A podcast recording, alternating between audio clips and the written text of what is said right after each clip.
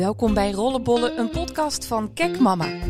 Vijf keer per week, twee keer per maand of één keer per jaar. Elke aflevering hoor je een verhaal over het seksleven van een moeder. En deze week het verhaal van Barbara. Barbara is 27 en heeft een dochter van 18 maanden en is vier jaar samen met Kieran. Hij is 25. Het vloog hem allemaal aan. De zwangerschap, een baby, het huwelijk toen ik drie maanden zwanger was. Dat was op zich ideaal, want hij kon meteen het toekomstige kind erkennen. Maar het ging allemaal wel heel erg snel voor hem. En Kieran was ook nog jong. Net 21 toen we een relatie kregen en 22 toen ik zwanger raakte. Hij was dolgelukkig met mij, wilde het kind graag hebben, maar het benauwde hem ook. En dus vluchtte hij weg, in de armen van Annabel, een stagiaire op de redactie waar hij werkte. Zij vond hem stoer en keek tegen hem op. Zij gaf hem aandacht op het moment waarop hij met zijn veranderende rol aan het worstelen was. En hij dook er vol in. Kieran zoende met haar meerdere keren. En terwijl ik thuis hydrofiele luier stond te strijken, neukte hij Annabelle in een goedkoop hotel. Zo fout, zo cliché. En ik, ik had niks in de gaten. Zat op een roze wolk te dromen over eenhoorns en zoete meisjesnamen. Ik merkte niets van zijn onrust en zijn stiekeme gedrag, het nachtelijke geëp en uiteindelijk zijn knagende schuldgevoel. Toen ik ontdekte dat hij was vreemd gegaan, was de baby er al lang en breed en was hij alweer bij zinnen gekomen. Hij was dol op onze dochter Maya en een topvader die meer geduld met haar had dan ik. Het liefst had hij mij nooit verteld over zijn misstap, zodat het allemaal met een sisser zou aflopen. Maar daar wilde deze Annabel niet aan meewerken. Zij was inmiddels smoor verliefd op hem geworden en niet van plan hem zomaar op te geven. Ze kon niet verkroppen dat hij haar afwees en zich op zijn gezin richtte. Ze chanteerde hem en dwong hem nog een allerlaatste keer seks te hebben bij haar thuis. Een afscheidswip, anders zou ze mij inlichten. Maar Kieran weigerde. Hij is wel bij haar langs gegaan om het uit te spreken heeft nog een keer met haar gezoend, maar ging niet verder in op verdere avances. En toen werd ze woedend.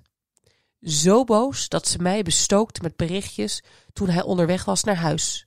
Niets vermoedend checkte ik het arsenaal aan berichten van deze vreemde dame die graag met mij in contact wilde komen. Ze had me iets te vertellen over mijn man. Ze stelde zich voor als Kierans minnares. De vrouw met wie hij al een half jaar een relatie had en met wie hij juist nog had getongd. Op dat moment trok al het bloed uit mijn gezicht. Ik ben dolblij dat ik Maya niet vasthield, want ik had haar laten vallen. Ik kon zelfs nog amper staan. Mijn hart klopte als een waanzinnige. Zou dit echt waar zijn? Toen Kieran niet veel later thuis kwam, hoefde ik hem alleen maar te vragen of hij een zekere Annabel kende.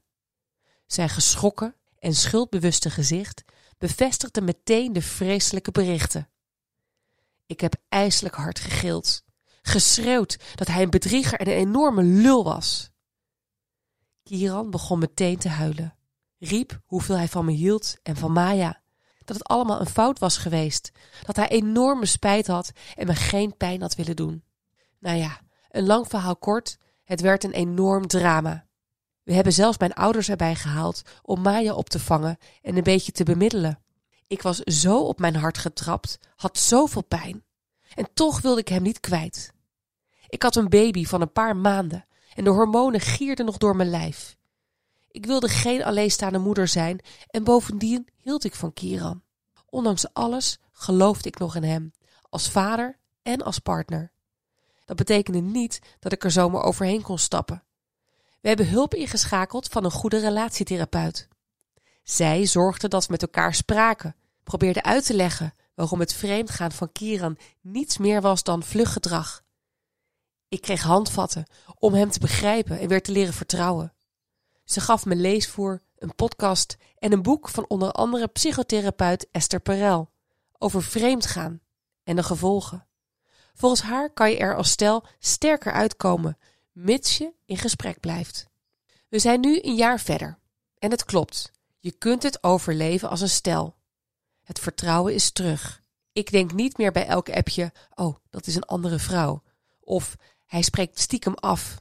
Kieran is super lief en dolgelukkig dat hij ons nog heeft. Ik zie ook echt hoe hij zijn best doet en er helemaal voor mij en Maya is. Alleen seks is beladen geworden. Waar we vroeger net konijnen waren, zo vaak deden we het, halen we nu met moeite één keer per maand. We zijn in bed in een soort impasse terechtgekomen. Praten niet meer dagelijks over zijn bedrog, dat kan ook niet, want je moet verder. Maar ergens voelt het heel erg oneerlijk. Kieran ging vreemd, maar er was van alle kanten direct min of meer begrip voor hem. Ach, die arme jonge vader, die het allemaal niet meer aankon. Van de therapeut, mijn schoonouders en zelfs van mij. Ik heb hem nooit het huis uitgegooid of een time-out gevraagd. En eigenlijk vind ik dat Kieran er toch wel heel makkelijk mee wegkomt. En dus geef ik hem straf. Pikstraf. Als hij mij begint te strelen of te zoenen, als hij fluistert hoeveel zin hij in me heeft, dan zeg ik: dat komt zeker omdat je denkt aan je minnares. En ik zie hem dan in één krimpen. Nee, zo bezweert hij mij. Ik denk nooit meer aan haar. Of ik laat hem heel dichtbij komen, kus hem, streel hem en zorg dat hij flink opgewonden is en haak dan af. Dan zeg ik dat hij toch al genoeg seks heeft gehad met haar. Dat hij wel even in de koelkast kan staan, zodat hij ook een keer voelt hoe het is als iemand met je gevoelens speelt. Ik weet dat het gemeen is en dat ik ermee moet stoppen. En nu accepteert hij het nog, maar voor hoe lang? Ergens geeft het me een gevoel van macht. En dat helpt mijn beschadigde zelfvertrouwen en gebroken hart te helen. Hij ging vreemd en dan zal hij ervoor moeten boeten.